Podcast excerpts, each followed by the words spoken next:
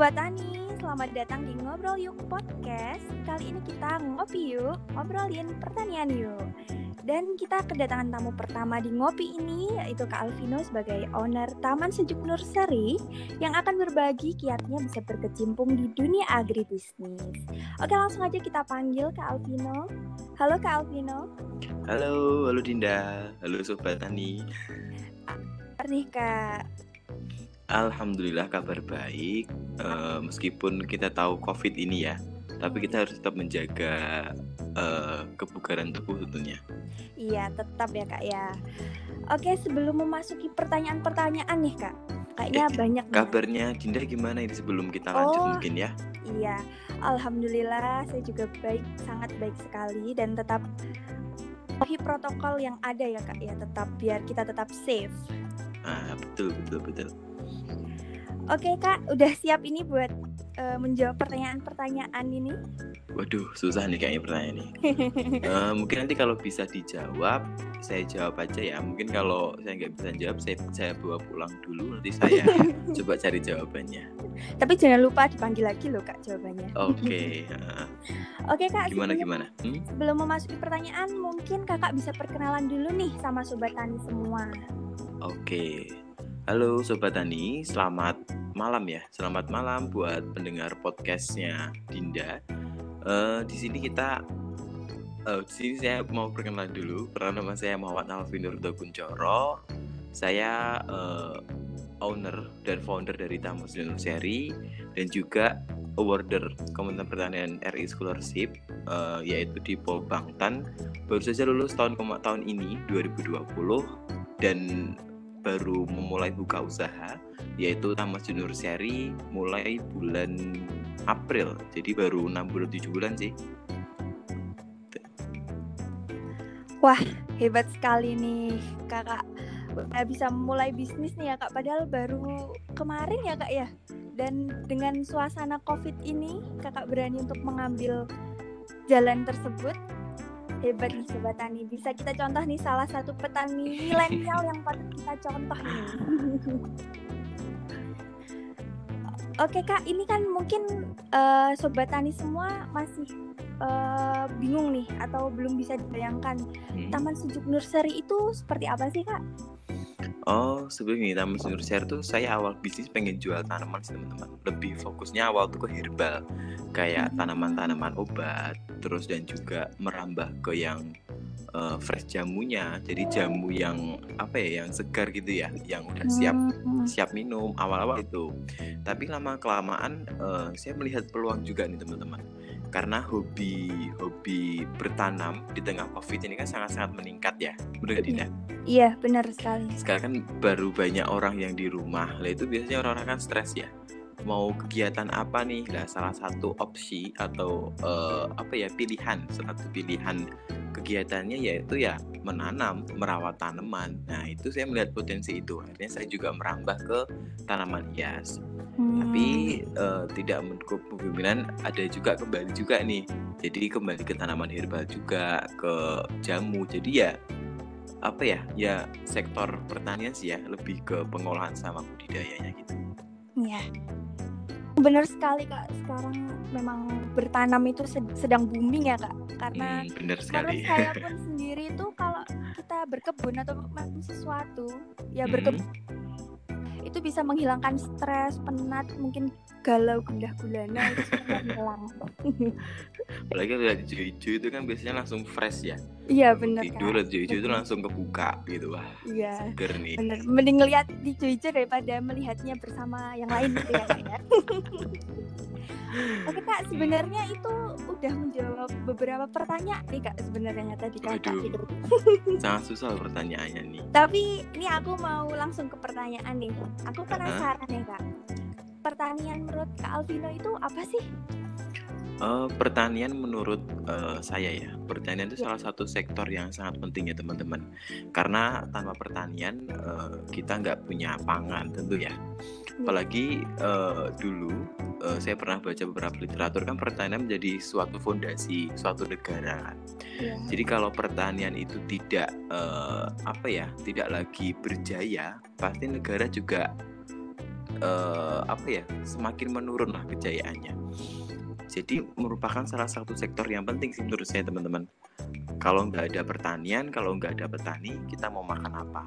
Iya betul ya kita pasti bisa impor ya Dinda. Tapi kita kan uh, pasti punya suatu apa ya kalau orang mungkin kayak gengsi gitu ya. Lah negara itu pasti punya itu juga. Kalau kita sering impor itu kan pasti kita juga ada kayak gengsi ke negara lain.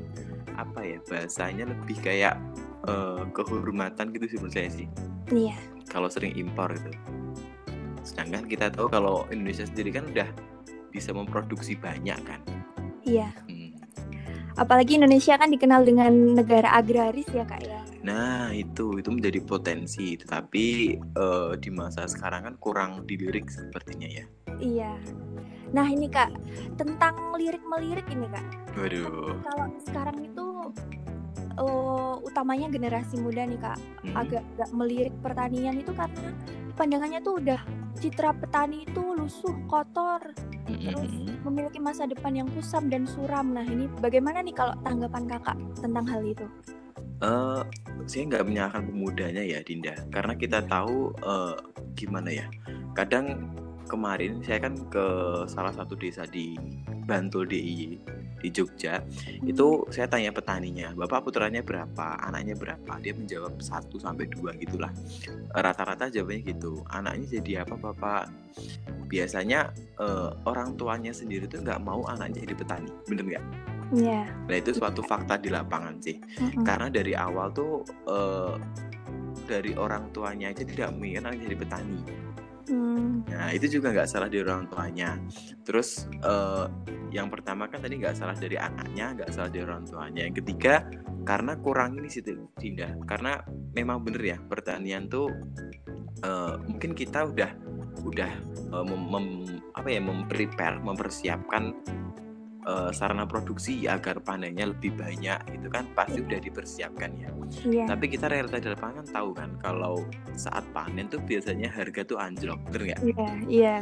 Nah itu yang menjadi salah satu faktor mengapa uh, pen kesejahteraan petani juga sangat-sangat apa ya mungkin nggak sangat rendah mungkin ya sedang lah ya dalam batas wajar dan itu yang membuat pemuda itu seperti oh kenapa sih saya bertani wong nggak ada perlindungan harga panen harga konsumen itu kan juga nggak ada yeah. kan nah yeah. itu mungkin salah satu alasan uh, pemuda nggak mau bertani sih iya mungkin memang butuh kolaborasi ya kak ya dari ah, benar. kita Beberapa. petani dan pemerintah uh, dan juga dibutuhkan nih kak petani milenial kayak kakak nih bisa menginspirasi mungkin kan oh, Waduh. oh ternyata bertani itu gak cuma tanam ini ini bener, kan luas ya kak ya pertanian uh, uh, kan nggak cuma tanaman pangan ya Iya. Tapi kalau kita bisa pertanian biasanya lebih ya lebih dipandang tuh lebih ke tanaman pangan, padi. Iya pada pertanian kan sangat luas ya ada peternakan juga itu kan masuk pertanian juga iya. Uh, dan teknologi sekarang kan sudah maju ya kak ya nah uh, itu yang membuat bertani itu uh, itu yang membuat apa sih semacam yang memancing sih ya yang memancing yeah. Iya. uh, generasi muda untuk lebih tertarik ke dunia pertanian kan salah satu cara yang diberikan adalah mekanisasi ya, betul nggak? Iya, betul. Karena kan kalau kita pakai jonder atau traktor roda empat itu kan kelihatan lebih keren. Iya. Ya? Dan kita tahu kalau harga jonder atau TR4 itu kan hampir 1 M ya, betul nggak? Iya, iya. Nah, kan M harganya sangat-sangat sangat-sangat apa ya? Uh, nggak masuk akal tapi ya iya. ya itu yang membuat salah satu daya tariknya sih iya memang bener kita perlu uh, semacam kolaborasi dengan beberapa stakeholder mungkin dari pihak pemerintah iya. melalui Kementerian Pertanian dinas dan mungkin Dinda uh, tahu ya kalau uh, Kementerian Pertanian melalui dinas pertanian sudah membentuk suatu kelompok tani yang di, yang dipergunakan untuk pemuda udah tahu belum Iya, udah kak. Nah itu kan salah satu caranya juga yaitu ada taruna tani, gitu kan? Taruna tani. Nah itu, itu tapi juga esensinya juga kalau di suatu daerah kurang sih. Itu biasanya eh, didirikan itu satu kelompok hanya itu satu kecamatan. Hmm, ya. Jadi nggak per desa, jadi kan kurang. uh, kalau menurut saya tapi itu udah bagus sih Dinda Iya untuk paling awal gitu. uh, paling nggak kan pemerintah udah mulai care nih terhadap Iya. penerus petani penerus, Iya. penerus petaninya siapa Oke kak, nih kan apa kakak kan salah satu petani milenial nih kak. Bagaimana sih caranya untuk menjadi petani milenial versi kakak sendiri? Eh, cara untuk menjadi petani milenial apa ya? Kalau menurut saya yang pertama itu lebih ke jangan terlalu banyak dipikir sih. Hmm, Jadi jangan hanya rencana, oh saya tuh pengen budidaya, pengen nanam A, B, C, D. Saya pengen usaha pertanian ini nih. Nah, kalau saya jangan hanya angan-angan. Mulai mulai aja sekarang. Nanti kan pasti eh, meskipun kita di tengah jalan pasti nemui suatu kendala itu suatu hal yang wajar ya. iya, Semisal kita, oh ini pasarnya ke mana? Nah, itu yang salah satu eh, mindset yang perlu dirubah. Kita tuh harus ini sih, kita tuh semisal kita mau usaha sayuran jadi dah, hidroponik Iya. gitulah, iya, hidroponik. Kita tuh pertama pikirkan pasarnya ke mana ya? Nah itu salah. Kita harus kuasai dulu ilmu apa sih yang ada di dalamnya, ilmu budidayanya, iya, eh, teknik budidaya seperti apa sih?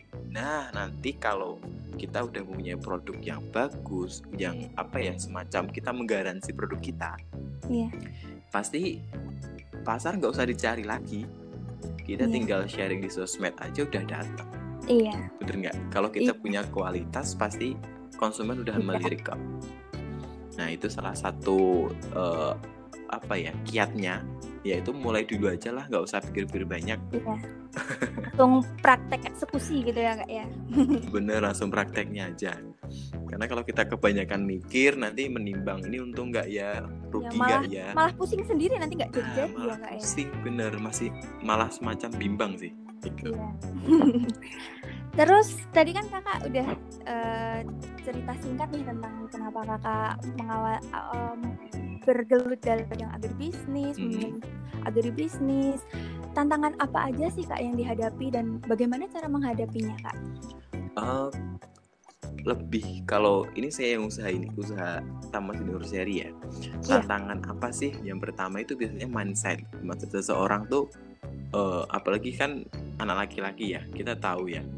Ngapain sih anak laki-laki kok mainnya tanaman bener nggak? Nah itu Iya. pertama itu eh, semacam paradigma sih bukan mindset paradigma masyarakat yang begitu perlu kita ubah.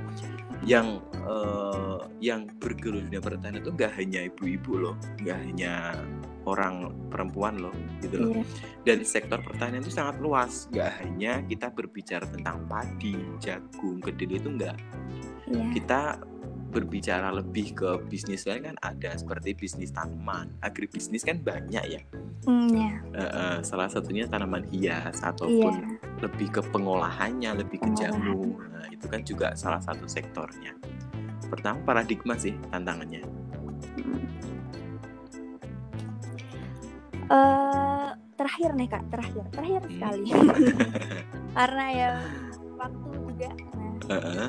terakhir bisa nih kak kakak kasih pesan-pesan ke kita sebagai generasi pen- milenial generasi penerus di Mm-mm. bidang pertanian pesan dari kakak ini kak bisa disampaikan Oh ya, mungkin buat eh, para pemuda yang belum tertarik ke dunia pertanian, ayolah sedikit lirik ke dunia pertanian karena eh, kita tahu salah satu orang terkaya di dunia atau beberapa orang terkaya di dunia itu mereka terjun dunia pertanian loh. Percaya nggak? Coba kalian search di Google ataupun di platform media lainnya, siapa sih orang yang bisa kaya karena pertanian? Nah itu kalian pasti akan menemukan jawaban salah satu atau salah duanya dia terjun dunia pertanian.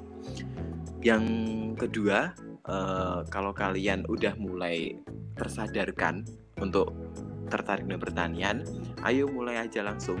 Misal aku pengen bisnis eh, jualan kaktus nih atau jualan tanaman hias nih, langsung aja eksekusi aja.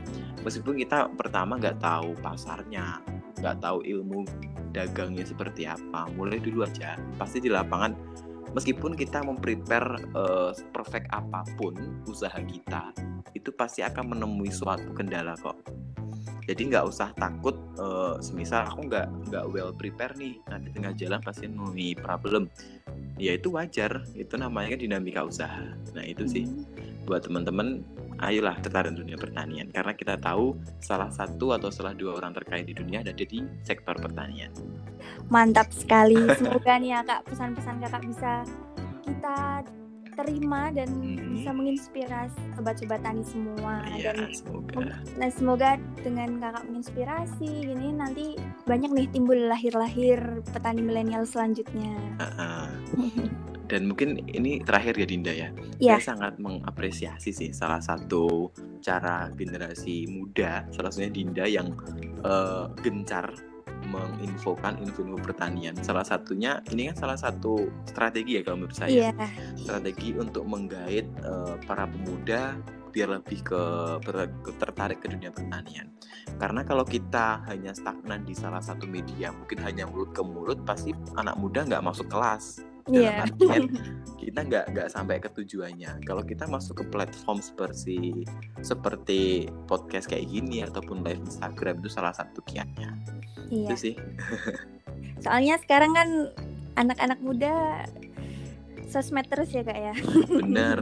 Apalagi kalau covid gini kan uh, apa ya, ya lebih iya. gencar ya jarinya. Iya. bener nggak? Buat buat ngisi waktu luang di rumah biar nggak jenuh dengerin podcast ini gitu ya kak ya. Bener sekali. Setelah dengerin podcast juga kan kita nambah ilmu juga ya kak ya. Nah itu nambah ilmu bener. Iya. Ya udah kak ini sangat bermanfaat sekali apa yang telah kakak jelaskan nih untuk sobat tani semua hmm. semoga apa yang kakak sampaikan itu bisa lanjut terus disampaikan ke orang-orang dan semoga kakak semakin sukses juga dan selalu menginspirasi kita semua. Amin. Terima kasih ya telah diundang yeah. di iya. podcastnya. Terima kasih juga ya kak. Sukses untuk duta padi ya, bener nggak? Iya. Iya, sukses. Amin. Terima kasih kak. Iya. Yeah. Thank you.